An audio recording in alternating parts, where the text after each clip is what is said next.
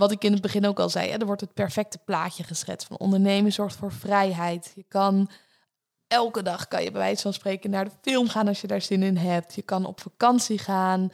Je verdient meer geld. Tenminste, dat is het beeld dat er bestaat. Het is niet lang niet altijd het geval.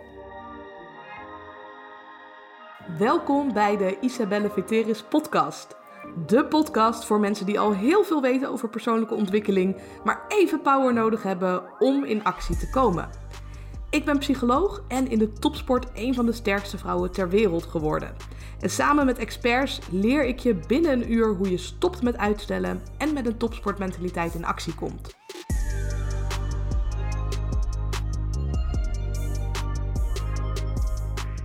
Welkom bij weer een nieuwe aflevering van de Isabelle Viteris podcast. Dit keer geen interview met een expert, maar een podcast door mij alleen gemaakt. Het is alweer een tijdje geleden dat ik in mijn eentje een podcast heb opgenomen. De vorige aflevering ging over vijf lessen uit 2021. En het is wel een hele bijzondere podcast, omdat ik nieuwe apparatuur heb besteld. Dus ik ben even flink next level gegaan. Ik word de laatste tijd ook steeds meer door andere podcasten gevraagd. En laatst was Alexander hier van Inspiratie. En die had ook een mobiele podcast mee. Nu heb ik al vaker voor de grap gezegd dat ik ook een mobiele podcast heb. Ik neem dan gewoon mijn laptop mee.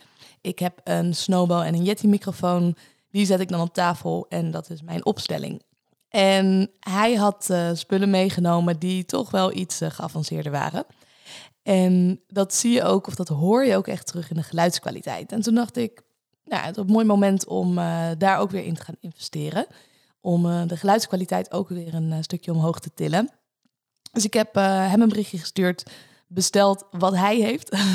Dan hoef ik daar ook niet zo heel veel over na te denken. En vandaag is dus de eerste keer dat ik daarmee ga podcasten. Afgelopen week zijn alle spullen binnengekomen, toen alles op tafel gezet en even visualiseren hoe dat er dan uit zou zien. En toen dacht ik vandaag, ik ga gewoon weer even een podcast opnemen. Daar had ik eigenlijk wel heel erg veel zin in. En het lijkt me ook heel waardevol om wat lessen dus met jullie te delen over het ondernemerschap.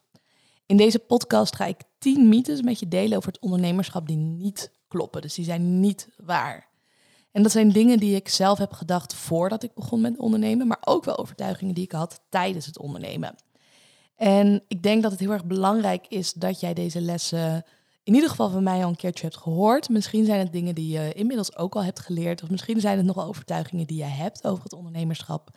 Ik zeg dit natuurlijk niet om jou af te gaan schrikken, dus om je bang te maken en om je te gaan overwelmen, maar om een realistisch beeld te geven van wat het ondernemerschap nou eigenlijk is. Want aan de ene kant op social media of uh, vanuit podcasten of vanuit boeken wordt het soms wel wat verheerlijkt. Alsof het een soort van wereld is waar je volledig vrij bent en alles kan doen met je wil en er eigenlijk bijna geen nadelen aan zitten. Dat zie ik vaak bij mensen die in loondienst werken en dan overstappen om het voor zichzelf te gaan doen en eigenlijk exact hetzelfde werk gaan doen en zichzelf dan verhuren hun uren voor tijd, maar dan uh, op ZZP-basis. Dat is natuurlijk niet helemaal hetzelfde. Dat is ook niet helemaal waar ik het in deze podcast over ga hebben. Ik ga het vooral hebben over ja, het, grotere plaatje. Het bouwen van een iets groter bedrijf. Van uh, het opbouwen van een team. Van het hebben van een visie. Van wat jij anders zou zien in de markt waar jij op dit moment in zit. Of misschien nog in wil gaan zitten. Dus als jij startende ondernemer bent, als jij de wens hebt om te ondernemen, of misschien als je al aan het opschalen bent met je bedrijf, is dit zeker een hele waardevolle podcast om te gaan luisteren. Maar ook als je geen ondernemer bent, denk ik zeker dat je deze lessen kan gebruiken en wellicht kan vertalen naar andere vlakken van je leven. Dus luister zeker mee naar deze podcast met 10 mythes over het ondernemerschap die dus niet kloppen. De eerste overtuiging die ik had was dat je een geniaal idee moet hebben of ergens super goed in moet zijn om te kunnen beginnen. Ik keek dan zelf naar bedrijven zoals um, Spotify of Apple of uh, de Albert Heijn of Picnic. Dat ik dacht, ja, ik heb helemaal niet zo'n idee van een, een, product wat ik op de markt zou zetten of een skill die ik super goed beheers. Dus ik mocht van mezelf nog niet gaan ondernemen totdat ik dat had. Uiteindelijk heb ik me ingeschreven bij de KVK. Ben ik begonnen met webshop waarbij ik producten verkocht via bol.com. En daarna ben ik mensen gaan helpen om sterker te worden. En dat ben ik pas gaan doen nadat ik een van de sterkste van de wereld was geworden. Want toen vond ik pas dat ik dat eigenlijk mocht gaan doen. Als ik nu achteraf terugkijk, dan zou ik mezelf of misschien jou daarin wat andere adviezen geven. Kijk, je hoeft niet de aller, aller, allerbeste te zijn in iets om ermee te kunnen beginnen. Want wat het ook is, dat zodra je gaat beginnen en je gaat het oefenen en je gaat competent worden in hetgene wat je doet, dan word je vanzelf wel beter. Toen ik bijvoorbeeld begon met coachen, toen deed ik dat nog in loondienst. Toen werkte ik met kinderen met een stoornis. Dus ik werkte op de groepsopvang, ik werkte op een basisschool en ik kwam bij mensen thuis. En de eerste keer dat ik dat deed, had ik echt geen idee wat ik aan het doen was.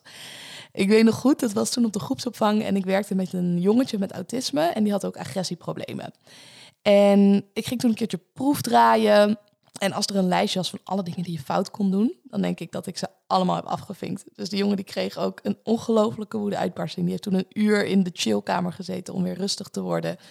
Daar wel op gereflecteerd. En vanuit daar ben ik gewoon steeds beter geworden in hetgene wat ik deed. Ik heb toen twee jaar uh, of drie jaar voor dat bedrijf gewerkt. En uiteindelijk ben ik het dus zelf gaan doen. Het coachen dan uh, ook op verschillende vlakken. En als ik jou daarin een advies zou mogen geven, denk ik, als je iets leuk vindt om te doen, als je denkt ook dat je er geld mee kan verdienen, als je er op zich wel goed in bent, ga het gewoon doen. En zorg in ieder geval dat je er beter in bent dan de meeste mensen. Dus laten we zeggen beter dan 50% van de mensen in Nederland. En dan kom je vanzelf, als je gaat oefenen, wel bij die top 1%. Maar je hoeft helemaal niet bij die top 1% te worden om überhaupt te kunnen gaan beginnen. Of jouw product hoeft nog niet helemaal perfect te zijn voordat je dat op de markt kan gaan brengen. Juist als je het op de markt gaat brengen en je gaat mensen vragen wat ze ervan vinden, dan kan je het weer optimaliseren en zo wordt het alleen maar beter en beter. Toen ik een boek ging schrijven, had ik wel al heel veel artikelen geschreven voor mijn eigen studie, maar het is een hele andere schrijfstijl dan wanneer je een boek schrijft. ik heb ook al vragen van mensen gekregen van, heb je daar dan een coach bij gehad of heb je dat al gedaan? Maar dat heb ik dus allemaal zelf gedaan en ook helemaal zelf bedacht om zo min mogelijk invloeden eigenlijk van buitenaf te hebben. Het boek heb ik toen uitgebracht en daar zijn inmiddels meer dan 2000 exemplaren van verkocht. Maar de eerste druk waren 1500 exemplaren en toen heb ik heel veel feedback gekregen. Dat heb ik weer gebruikt om het boek te verbeteren. Dus nu is er weer een vernieuwde versie uitgekomen. Maar waarschijnlijk is het echt niet het eindproduct. Dus als jij een onderneming hebt met fysieke producten of misschien uh, bepaalde diensten, weet dan ook dat dat dus nog niet helemaal perfect hoeft te zijn voordat je dat op de markt gaat brengen. Want juist je klanten gaan je helpen om het te optimaliseren. De volgende mythe is iets wat soms op Instagram wel wordt verkondigd, maar waar ik het dus absoluut niet mee eens ben. En dat is dat je geen geld nodig hebt om een bedrijf te kunnen starten. Je hebt alleen maar je laptopje nodig en dan kun je vanuit daar kun je lekker alles gaan doen wat je wil. Nou, daar ben ik het dus niet mee eens. Kijk, stel je wil een offline bedrijf beginnen. Laten we zeggen dat jij een bakkerij wil beginnen. Dan zal je toch bepaalde kosten moeten gaan maken. Je moet je panden moet je gaan huren. En soms moet je ook al een aantal maanden vooruit betalen voor je huur. Je moet je ovens moet je kopen, je moet je ingrediënten moet je kopen. En dan ga je je brood bakken en dan hoop je maar dat er klanten gaan komen en dat jij een goede locatie hebt gekozen en dat jouw producten goed zijn. Waarschijnlijk in de eerste weken gaat het nog helemaal niet zo goed lopen. En op een gegeven moment dan zijn mensen heel erg blij met je. Dan past het ook bij de doelgroep. Dan gaan ze dat doorvertellen en dan krijg je zo steeds meer klanten. Dus een overtuiging die er nu zeker in de wereld van online ondernemerschap is, is dat je dus geen geld nodig hebt. En ik zie het eigenlijk nog steeds hetzelfde als de ouderwetse manier van ondernemerschap. Dat je echt wel geld nodig hebt om te kunnen beginnen. Want ook al hoef jij dus niet fysiek een pand te huren en ook al hoef jij geen ovens te kopen of andere ingrediënten te kopen, waarschijnlijk heb jij wel andere uitgaven die toch nodig zijn om een goed bedrijf te kunnen bouwen. Denk daarbij aan wat goede coaching. Iemand die je helpt om dat bedrijf op te bouwen, omdat je waarschijnlijk nog weinig verstand hebt van het ondernemerschap. Of als jij een pand huurt, ben jij dus fysiek zichtbaar, terwijl online is het iets moeilijker om gezien te worden door zoveel mensen als wanneer je een offline locatie hebt. Dus zou je daar misschien voor moeten betalen om zichtbaarder te zijn. Denk daarbij aan kosten van je advertenties of iemand die je marketing doet. Of misschien heb je andere manieren van marketing doen. Een manier die ik bijvoorbeeld doe, is dat ik naar mensen mijn boek opstuur als verrassing naar bedrijven. En dat kost ook geld, dat is niet helemaal gratis. Wat ik daarnaast ook belangrijk vind bij deze tip om te benoemen, is dat een bedrijf niet direct winst hoeft te maken. We denken ook vaak dat het pas goed gaat als we winst maken. En zolang dat gebeurt, dat uh, we door kunnen gaan. Het eerste jaar van mijn bedrijf, eigenlijk de eerste twee jaar, ik ben in november begonnen, heb ik alleen maar verlies gemaakt, alleen maar kosten. En bij succesvolle bedrijven zie ik dit ook gebeuren. Dat in het begin vooral heel erg veel kosten worden gemaakt, omdat je nog aan het bouwen bent. Vergelijk het bijvoorbeeld met het bouwen van een huis. Je moet eerst het fundament leggen, je gaat de heipalen slaan, je gaat de muren ga je bouwen, je gaat de ramen ga je plaatsen, dan ga je het dakterras maken en de tuin en daarna kan je er pas in gaan wonen.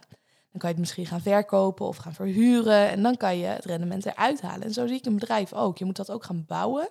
En dat kost simpelweg wat tijd. En dat zal in het begin misschien ook betekenen dat je verlies gaat draaien. Nu zijn er twee manieren om dat te kunnen dragen. Dus, of eigenlijk drie. Het voordeel wat ik in mijn eigen onderneming had, was dat ik flink wat eigen geld had wat ik inbracht. Waardoor ik mijn baan kon opzeggen. En in principe minimaal twee jaar kon leven zonder dat er inkomsten zouden zijn. Dus mijn burn rate was 24 maanden als ik het dan een beetje zuinig aan zou doen. Wat ook een manier is, is om te zeggen, ik blijf gewoon even in loondienst ernaast werken. En tijdens mijn werk, of eigenlijk buiten mijn werk om, ga ik uh, mijn eigen bedrijf bouwen. En op het moment dat ik voldoende verdien, of in ieder geval genoeg vertrouwen heb in mijn eigen bedrijf, dan zeg ik mijn baan op. Een aantal klanten van mij hebben dat ook op die manier gedaan. Die hebben nog een tijdje naast hun bedrijf hebben ze een baan in loondienst gehad. En gaandeweg, tijdens de coaching, zijn ze voldoende gaan verdienen, of eigenlijk zoveel gaan verdienen, dat ze met heel veel vertrouwen die baan in loondienst op konden zeggen. En dat je daarna ook die omzet en die winst uh, flink ziet stijgen. Maar een andere manier, en daar wordt niet zo heel erg veel over gesproken, valt me op in het ondernemersland, is dat je geld van anderen kan gebruiken. Denk daarbij dan niet aan per se geld van vrienden of, of familie, um, maar dat je funding gaat ophalen. Dus jij hebt een heel erg goed idee voor je bedrijf. En dan ga je je bedrijf opsplitsen in aandelen of je richt een stak op. En dan kan je die gaan verkopen. En op die manier kan je geld ophalen van je eigen bedrijf. En als je bedrijf winst gaat maken, dan ga je dat uitkeren aan alle mensen die geld hebben betaald om jouw bedrijf mogelijk te kunnen maken. En zeker de grotere bedrijven, die werken echt wel op die manier. Omdat als zij het op de eerste of de tweede manier zouden doen, dan zou het heel erg veel tijd kosten dat je elke keer eerst geld moet verdienen voordat je dus een nieuw teamlid kan gaan aannemen. Terwijl als je dat met geld van anderen doet, dan kan je in één keer met een team van 20 mensen gaan beginnen. De volgende mythe is dat een onderneming heel weinig tijd kost. Dat het je bijvoorbeeld maar vier uur per week zou kosten. Misschien heb je wel het boek gelezen van de 4-Hour Workweek van Tim Ferriss. En er bleef op een gegeven moment een beeld bestaan bij het ondernemerschap dat het dus allemaal ja, heel simpel is en, en weinig tijd kost. En dat je dat lekker vanuit je hangmatje met je laptop kan doen. Ik kan je één ding vertellen, werken vanuit een hangmat is echt niet fijn. Ik heb het geprobeerd in Thailand. Dat was mijn eerste solo trip. Ik dacht, doen al die mensen dit? Dit werkt toch helemaal niet? Die laptop wordt ongelooflijk heet. Het is helemaal geen fijne positie om in te werken. En daarnaast is op een gegeven moment gewoon de batterij van je laptop uh, is leeg. Dus, nou goed, even die mythe ontkracht. Maar het kost ook echt wel flink wat tijd om jouw bedrijf op te gaan bouwen. En in het boek van Tim Ferriss komt dat wel enigszins naar voren. Maar voordat hij vier uur kon gaan werken, moest hij eerst veel meer uren erin steken. Je moet echt flink wel aan de bak om in je bedrijf te gaan werken. Aan je bedrijf te gaan werken voordat je dus eruit kan gaan stappen. En ook dan is de vraag, waarom zou je eruit willen stappen? Als je een bedrijf hebt waar jij heel erg veel passie voor hebt. Waarbij je een visie hebt om de wereld te gaan veranderen. En dat zou je dan in maar vier uur per week gaan doen. Ja, voor mij klinkt dat dus een klein beetje ja, gek. Ik denk ook niet dat de manier is hoe ze dat bij Uber doen of hoe ze dat bij andere bedrijven doen, dat ze 80 uur per week werken. En niet alleen de ondernemer, maar dat ze eigenlijk ook het hele team verplichten om die 80 uur te maken. Maar ik denk dat je er zeker wel een groot deel van je week mee bezig mag zijn of wil zijn om uh, jouw missie uit te gaan dragen. Dus een, een, een overtuiging dat het je maar vier uur per week kost. Ja, je zou er wel naartoe kunnen bouwen om, om zo'n bedrijf te gaan maken. Maar de ene vraag is natuurlijk, moet je dat willen? En aan de andere kant, wat ik ook wel bij veel ondernemers zie die dat heel graag willen en dat dan hebben gemaakt, dat er dan soms iets in het bedrijf gebeurt waarbij ze dan in één keer weer terug moeten schieten naar die 30 of 40 uur. Neem bijvoorbeeld een medewerkerontslag die essentieel is en die niet direct kan worden vervangen. Dan zou je toch weer zelf het bedrijf in moeten stappen. Dat is op zich niet erg, maar je moet wel in je achterhoofd houden dat het ehm, geen realistisch beeld is om altijd eh, op die manier te blijven doen. De volgende mythe is dat waar je aan begint, dat je dat ook af gaat maken. En dat je dat waarschijnlijk de rest van je bedrijf zal blijven volhouden. Toen ik mijn bedrijf begon, toen begon ik met één weggever, één product wat, eh, wat laagdrempeliger was qua prijs om kennis te maken met mij. En dan één kernproduct. Dat was toen mijn één op één coaching. En mijn gratis weggever, mijn cadeautje voor leads, dat was een e-book met meer dan 50 tips om je mindset te trainen. En dat had mij best wel wat tijd en geld en energie gekost. Dus ik ben een paar dagen bezig geweest om het e-book te schrijven, want ik wilde echt wel iets neerzetten wat heel erg waardevol was. En dat heb ik toen laten vormgeven door mijn designer. Die is daar tien uur mee bezig geweest, inclusief natuurlijk de benodigde kosten. Dat e-book ben ik toen gaan adverteren voor mijn toenmalige doelgroep. En daarachter zat weer een mailfunnel met allerlei mails om uh, ja, hen kennis te laten maken met mij. En vandaag de dag doe ik niks meer met dat e-book. Dat is gewoon de prullenbak ingegaan. Ook al die mails zijn de prullenbak ingegaan. Terwijl ik toen dacht, als ik dat nu maak, dan ga ik dat waarschijnlijk heel erg lang gebruiken. Uiteindelijk heb ik dat dus een jaar gebruikt. Dit is één voorbeeld van de vele voorbeelden die ik heb van dingen die ik gestart ben. En waar ik dus na een tijd heb besloten om daar afscheid van te nemen. Niet per se omdat het niet goed was, maar het was niet goed genoeg. Of dan was er een andere verandering en dan past het niet meer bij het bedrijf. En je hoopt natuurlijk dat als je ergens mee start, dat dat dan de hele tijd gaat blijven staan. En ik vond het best wel moeilijk om uh, daar ook afscheid van te nemen. En gelukkig kan ik best wel goed keuzes maken. Maar ik merk dat heel veel ondernemers dan er te lang aan blijven vasthouden. Dat zie je bijvoorbeeld ook in de financiële wereld. Een soort van wishful thinking. Waarbij we het dan heel erg moeilijk vinden om aandelen met verlies te verkopen. Dan houden we te lang vast in de hoop dat het weer gaat stijgen. Terwijl je soms beter je geld eruit kan halen, ook al heb je wat verlies gemaakt, maar het ergens anders weer in kan stoppen, zodat het dan weer winst gaat maken. Dus ik heb in mijn vorige podcast ook verteld over de cryptobots die ik maak. En als die 5% hebben uh, verloren, als die dan verlies hebben gemaakt, dan verkoopt mijn bot ze automatisch. Waar jij ze als mens misschien nog iets langer zou aanhouden in de hoop dat het gaat stijgen, denkt mijn bot, ja doei, dat gaan we dus niet doen. We halen het eruit, we stoppen het in een andere cryptomunt en dan is de kans vele malen groter dat uh, je daar winst uit gaat maken of gaat halen. En zo zie ik dat ook bij je eigen onderneming. Dat je dingen los moet laten, zodat je weer iets kan gaan fine-tunen of kan gaan starten wat echt werkt. Nu moet je dat natuurlijk niet te snel doen. Over het algemeen zie ik dat heel veel ondernemers bepaalde dingen heel snel loslaten. En dat is voornamelijk dan hun eigen plan. Um, dus gebruik dit niet als excuus om natuurlijk met allerlei dingen te gaan stoppen. Maar als jij twijfelt op dit moment van, oeh, ik heb al een, tijdje een bepaald product en het loopt gewoon niet lekker, mensen zijn er niet happy mee, uh, of het werkt niet voor me zoals ik zou willen, wees ook niet te bang om dat dus los te gaan laten. Want als je al die tijd, geld en energie weer in iets gaat steken waar je wel in gelooft, dan gaat het waarschijnlijk veel beter werken. De vijfde mythe is dat het alleen maar draait om je bedrijf.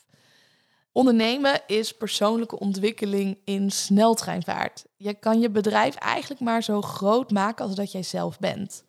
Als jij niet lekker in je vel zit en je gaat daardoor heel erg veel werken of heel weinig werken, dan kan je wel heel hard werken, maar dat betekent niet per se dat je bedrijf heel erg succesvol wordt. Ik zie dus ondernemerschap echt hand in hand gaan met persoonlijke ontwikkeling. En dat is ook precies de reden in mijn eigen coaching en als ik coaching bij anderen volg, dat zo'n 80% van de tijd en de energie uitgaat naar je persoonlijke ontwikkeling. En dat bedrijf groeit wel mee. Want in de kern is het heel erg simpel wat je moet doen. Ik wil niet zeggen dat het makkelijk is, maar het is wel simpel. We maken het onszelf alleen heel erg moeilijk om allerlei redenen. Je overtuigingen, de overtuigingen van anderen, of misschien uh, hoe je je daarover voelt, of nou wat, wat het dan ook is. En dat heeft heel veel met het persoonlijke stukje te maken.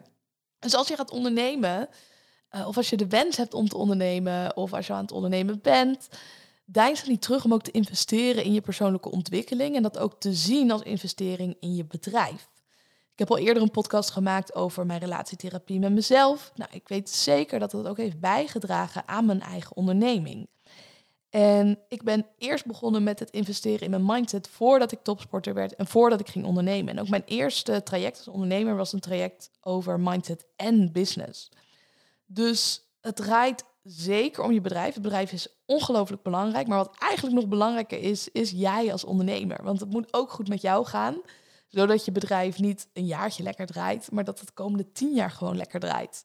Het is niet voor niks dat één op de vijf ondernemers, maar uh, ik moet het even goed zeggen. Volgens mij 9 op de 10 ondernemers die overleeft de eerste 10 jaar niet. En meer dan 60% overleeft, overleeft de eerste 5 jaar niet. Dus zorg in ieder geval dat jij bij de ondernemers gaat horen die het wel gaan halen. De zesde overtuiging, of de mythe die er bestaat over het ondernemerschap, is dat je een hele grote following moet hebben om er geld mee te kunnen verdienen. Ik heb een heel mooi verhaal van iemand die had meer dan een miljoen volgers op Instagram. En die had toen bedacht, als ik t-shirts ga verkopen voor 20 dollar per stuk, en dan verkoop ik elke maand een x aantal t-shirts en dan kan ik makkelijk uh, gewoon leven van mijn sociale media. En het was een hele mooie dame die ook niet terugdeinsde om dat te laten zien op Instagram. Toen ging ze die t-shirts maken en ze had berekend dat ze volgens mij een stuk of 30 t-shirts of zo moest verkopen per maand. Maar niemand kocht de t-shirts. Dus ze had een enorme following, maar dat waren niet haar ideale klanten. Heel veel mannen volgden haar omdat ze er heel erg mooi uitzag. En omdat ze het leuk vonden naar de plaatjes te kijken, maar die gingen niet met haar t-shirts lopen. Sommige ondernemers die hebben maar, tussen aanhalingstekens, 500 volgers op Instagram en die zetten tienduizenden of honderdduizenden euro's om. Ik dacht dat ik heel erg bekend moest zijn voordat ik dus geld kon verdienen met hetgene wat ik deed. Of dat nou coaching was of uh, andere uh, dingen, producten aanbieden. En ja, het is heel belangrijk om een audience te hebben. Dus om mensen te hebben die naar je luisteren. Maar dat moeten wel de juiste mensen zijn. Sommige coaches die zeggen, oh, voor elke volger op Instagram zou je bijvoorbeeld een euro per maand moeten verdienen. Maar in mijn optiek kan je dat dus niet zo simpel zeggen. Want dan zou die ene dame uit het voorbeeld een miljoen euro per maand moeten verdienen.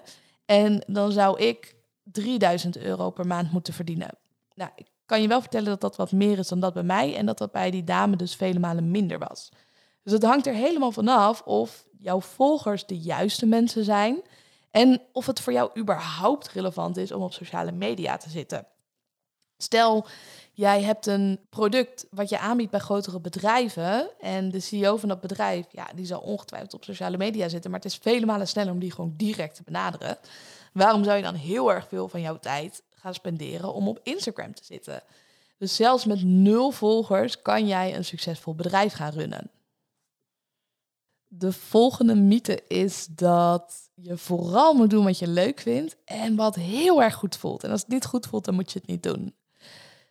Ik heb al vaker gedeeld over dat er natuurlijk een verschil is tussen je reptiele brein en je intuïtie. En de dingen die niet goed voelen in het ondernemerschap zijn deels intuïtief, maar deels ook gelinkt aan jouw reptiele brein. Dus als jij een bedrijf gaat bouwen en je gaat alleen maar doen wat je leuk vindt en je gaat alleen maar doen wat er goed voelt, dan denk ik niet dat jouw bedrijf het gaat redden. Je zou ook echt wel die oncomfortabele dingen moeten doen en soms dingen moeten doen waar je niet zo heel erg veel zin in hebt.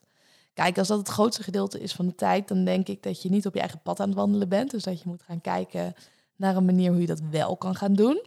Maar heb niet de illusie dat het allemaal ongelooflijk fantastisch gaat zijn. En sommige dingen moet je toch wel gaan kunnen voordat je dat kan gaan uitbesteden.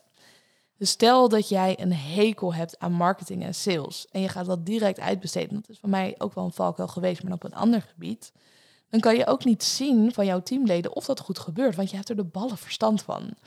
Dus dan zal je daar eerst zelf enige kennis van moeten gaan opdoen voordat je dat kan gaan uitbesteden.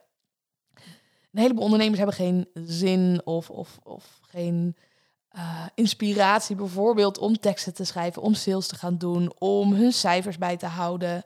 Maar dat is zo belangrijk voor je onderneming om klanten te krijgen, om te weten of je een gezond bedrijf hebt, om overzicht te hebben. En de meeste hoofdpijn krijg je ook van een gebrek aan overzicht of een gebrek aan kennis. Dus ga wel die dingen doen die oncomfortabel zijn en waar je geen zin in hebt, maar zorg ervoor dat dat ja, maximaal 20% van de tijd is. De achtste mythe is dat er alleen maar voordelen zijn aan het ondernemerschap. wat ik in het begin ook al zei, er wordt het perfecte plaatje geschetst van ondernemen zorgt voor vrijheid. Je kan elke dag kan je bij wijze van spreken naar de film gaan als je daar zin in hebt. Je kan op vakantie gaan. Je verdient meer geld. Tenminste, dat is het beeld dat er bestaat. Het is niet lang niet altijd het geval. Maar er zijn ook zeker nadelen aan het ondernemerschap. En heb dat zelf niet gezien totdat ik het ging doen. Of in ieder geval niet zo gevoeld. Als ik nu ook terugkijk op mijn periode in loondienst, denk ik dat een, een heleboel dingen ja, voor lief heb genomen, wat eigenlijk heel erg bijzonder is. Dus hoe gaaf is het in loondienst dat jij één keer per maand gewoon een vast salaris gestort krijgt op je rekening? Ik heb, ja, toen ik nog in loondienst was, toen was ik wel heel erg dankbaar voor het geld wat ik kreeg. En ik verdiende ook altijd best wel lekker. Ik ging ook wel op zoek naar baantjes waar ik gewoon een beetje oké salaris mee had. Dus in de horeca kreeg ik lekker fooi. En toen ik ook met die uh, kids werkte, toen vond ik ook wel aardig, omdat die baan in lijn was met mijn studie. Maar het valt mij heel vaak op dat mensen in loondienst heel erg veel klagen over wat er allemaal stom is op werk. En dat ik dan nu denk van, oh, maar er zitten ook zoveel fijne dingen aan het werken in loondienst. Dus bijvoorbeeld, je krijgt dus elke maand krijg je je salaris gestort. Uh, soms kan je via werk allerlei opleidingen doen en daar hoef je niet eens voor te betalen. Je hebt een x aantal vakantiedagen en dan krijg je ook nog gewoon in doorbetaald. Als je ziek bent, krijg je doorbetaald.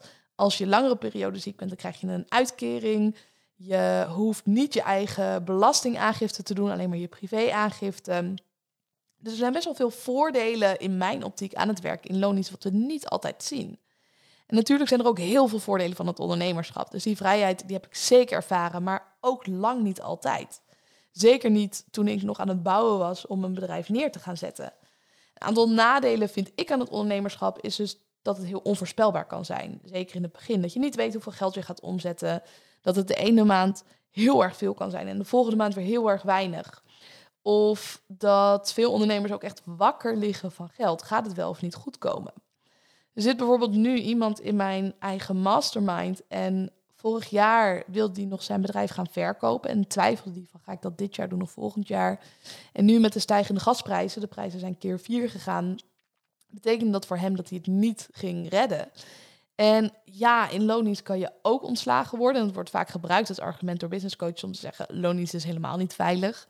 Maar de kans is iets minder groot dan wanneer je gaat ondernemen.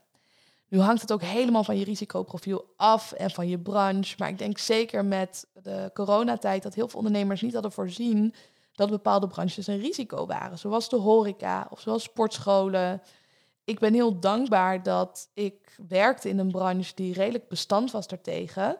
Maar er zitten dus ook zeker nadelen aan het ondernemerschap. Dat wil je wel in je achterhoofd houden om een realistisch beeld te krijgen op het moment dat je dus gaat ondernemen. Dit brengt mij meteen weer bij de volgende mythe en dat is dat je maar één businessmodel nodig hebt.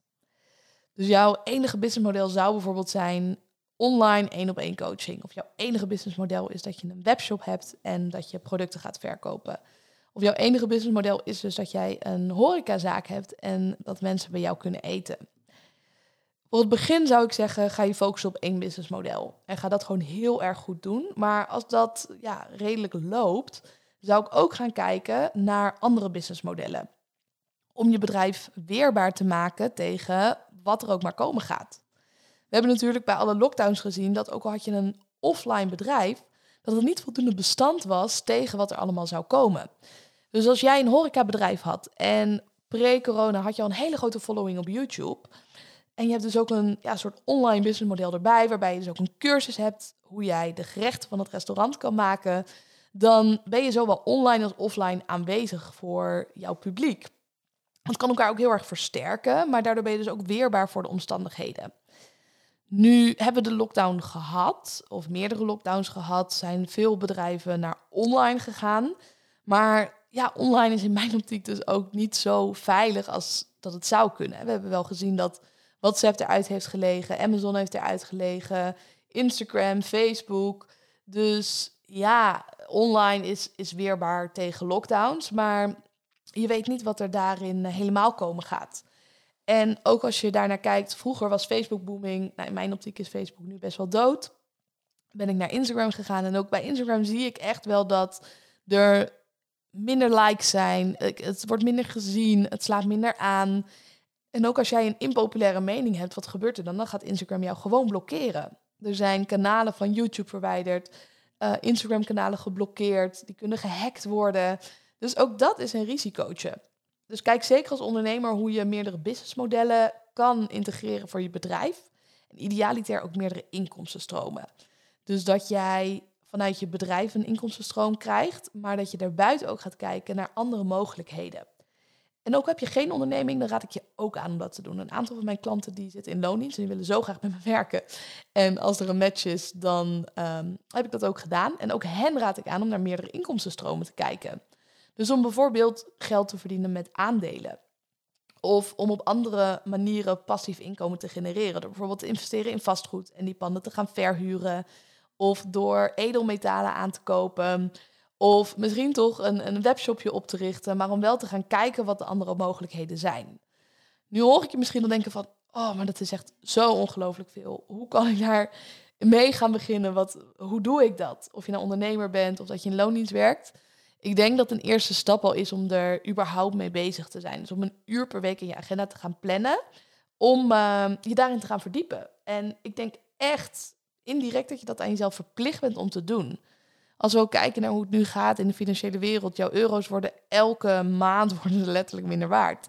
De inflatie afgelopen jaar was meer dan 7% Dus als jij je geld op de bank laat staan, als jij of nou in loondienst werkt of voor jezelf en je gaat dat geld allemaal opsparen, is gewoon heel erg zonde.